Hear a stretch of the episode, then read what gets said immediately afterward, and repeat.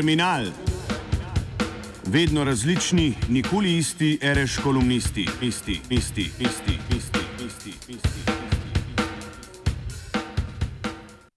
Davčne spremembe prehitevajo. Vlada je v proračunu v parlament vložila tudi tri davčne zakone: o dohodnini, o davku na dohodek pravnih oseb in o davčnem postopku. Vsi skupaj zmanjšujejo proračunske prihodke za 74 milijonov, kar v proračunsko bilanco ni vključeno. To je rang velikosti statistične napake in zaradi tega proračun ne bo ogrožen. Pa vendar je poteza napačna. Najprej zato, ker bi davčno prestrukturiranje moralo potekati skupaj s premembami na področju zdravstva, pokojninskega varstva in dolgotrajne oskrbe, se bodo sicer delovne skupine še naprej pisale zakone, ki ne bodo prišli niti do vlade, kaj šele do parlamenta. Vemo, da spremembe potrebujemo, vendar zaradi parcialnega reševanja različnih vprašanj vedno trčimo ob meje, ki jih postavlja konkurenčnost domačega gospodarstva in fiskalno pravilo. Dodatnih sredstev za zdravstvo in dolgotrajno oskrbo ne moremo ali bolje rečeno ne znamo zagotoviti. Drugi razlog pa je znižanje rasti svetovnega gospodarstva. Davčna reforma iz leta izjemne gospodarske rasti, tik pred gospodarsko krizo, je izdatno zmanjšala davčne vire. To se je izkazalo kot mlinski kamen za stabilnost javnih financ v letih krize in kot pomembna ovira za, ovira za protikrizno delovanje države.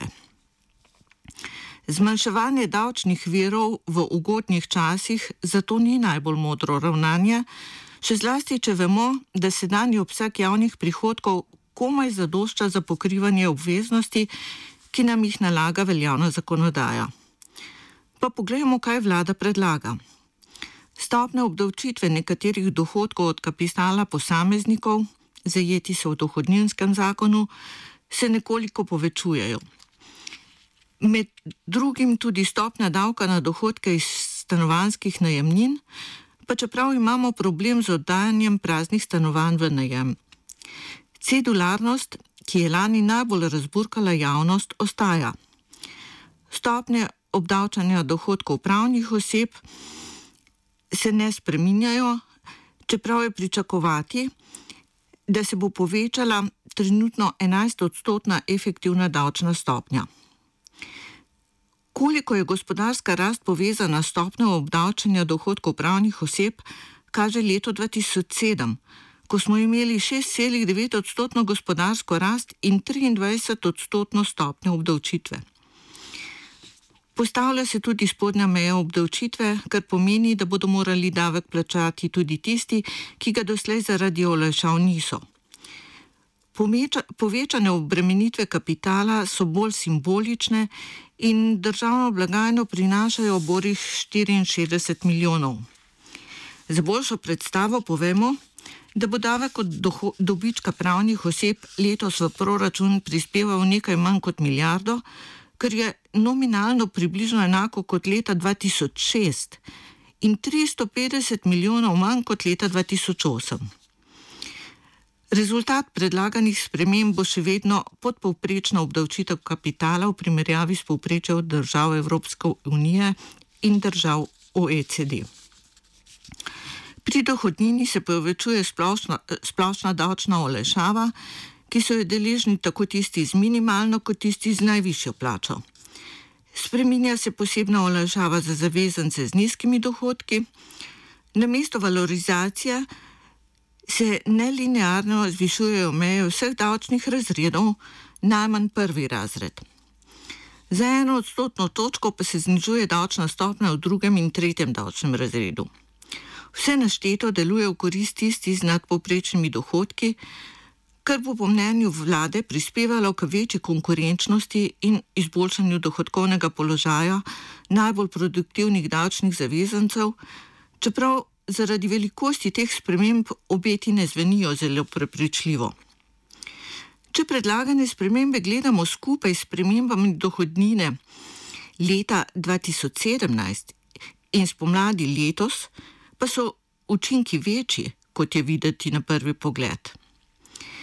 Naštete spremembe bodo zmanjšale davčne vere, tako da bo prispevek dohodnine v proračunskih prihodkih le še okoli milijardo 300, kar bo nominalno približno 900 milijonov manj kot leta 2008. Moj namen ni razpravljati o tem, kdo je s predlaganimi spremembami davčnih zakonov največ pridobil in kdo največ izgubil in koliko je to pravično, čeprav je taka razprava na mestu. Želimo pozoriti na nesmisel predlaganih davčnih sprememb, pa tudi na napačno smer teh sprememb ob zavedanju problemov, ki so pred nami in jih nenehno prepuščamo naslednjim vladam. Pred dobrim letom je vladajoča koalicija podpisala koalicijsko pogodbo, v kateri so bili med drugim zapisani tako obrisi davčnih sprememb, kot sprememb zdravstva, pokojninskega varstva in dolgotrajne oskrbe. Skupaj s porazumom koalicije z levico, kot zunanjo podpornico vlade, je močno razburila predvsem gospodarstvenike. Ti so napovedali pogrom slovenskega gospodarstva, nekateri tudi selitev v tujino. Od vsega napovedanega se je zgodilo veliko premalo, da bi bilo potrebno pobrati kočke pa tudi veliko premalo, da bi lahko govorili o prenosu davčnih bremen iz dela na kapital, kar vlada postavlja kot cilj v predloženih spremembah zakonodaje. V obrazložitvi zakona o dohodnini je med drugim zapisano, da je Slovenija po obremenitvi z davki in prispevki pod povprečjem Evropske unije. Z vidika konkurenčnosti pa struktura davkov v Sloveniji ni najugodnejša. Odstopamo predvsem zaradi nadpovprečne obremenitve potrošnje in obremenitve dela s prispevki za socialno varnost ter podpovprečne obremenitve kapitala in premoženja. Tudi OECD, ki je leta 2018 pripravila poročilo o davkih za Slovenijo, je med svojimi priporočili med drugim zapisala: citiram, da bi močnejša vloga dohodnine v Sloveniji omogočila zmanjšanje prispevkov za socialno varnost zaposlenih in še. Davčne stopnje v drugem, tretjem in četrtem davčnem razredu bi se lahko zvišale, da bi prispevale k financiranju zmanjšanja prispevkov za socialno varnost. Ugotovitve obeh institucij niso nekaj, česar sami ne bi vedeli. Problem je le, da bi prestrukturiranje davkov zahtevalo resne spremembe na številnih področjih financiranja javnih dobrin in ne le posegov v dva davčna zakona. Zato je mogoče predlog levice o povišanju prispevnih stopenj za zdravstvo v zameno za dopolnilno zdravstveno zavarovanje razumeti tudi kot poziv, da je skrajni čas, da se lotimo reševanja manj prijetnih tem, kot je velikost dohodninskih razredov in stopenj. Že nekaj časa nad nami visi breme starajočega se prebivalstva, ki poleg zagotavljanja pokojnin zahteva tudi spremembe na socialnem in zdravstvenem področju. Denar, ki ga zberemo iz prispevkov za zdravstveno zavarovanje, ne zadošča za raven oskrbe, ki nam jo zagotavlja zakon. Če tudi bi izboljšali nabave medicinske opreme, zdravil, zdravstvenega materijala, ter organizacijo dela v zdravstvenih ustanovah in pri tem prihranili več deset milijonov. Poleg tega se, razen zavarovalnic, vsi strinjamo, da sedanje dopolnilno zdravstveno zavarovanje ni več primerno in ga je treba odpraviti. Tudi za dolgotrajno oskrbo sredstva niso zagotovljena. Pripričana sem, da bi lažje dosegli nov družbeni dogovor o tem, kakšno socialno državo želimo, če bi se hkrati dogovorili tudi o tem, koliko bo kdo za to plačal.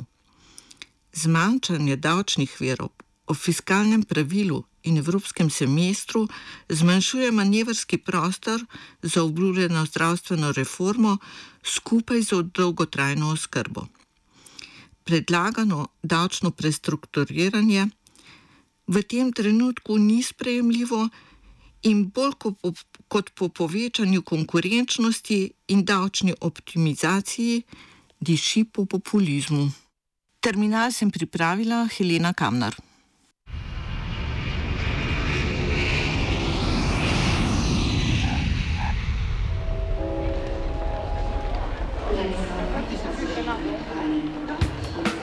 Terminal. Vedno različni, nikoli isti, ereš kolumnisti, isti, isti, isti, isti, isti, isti. isti.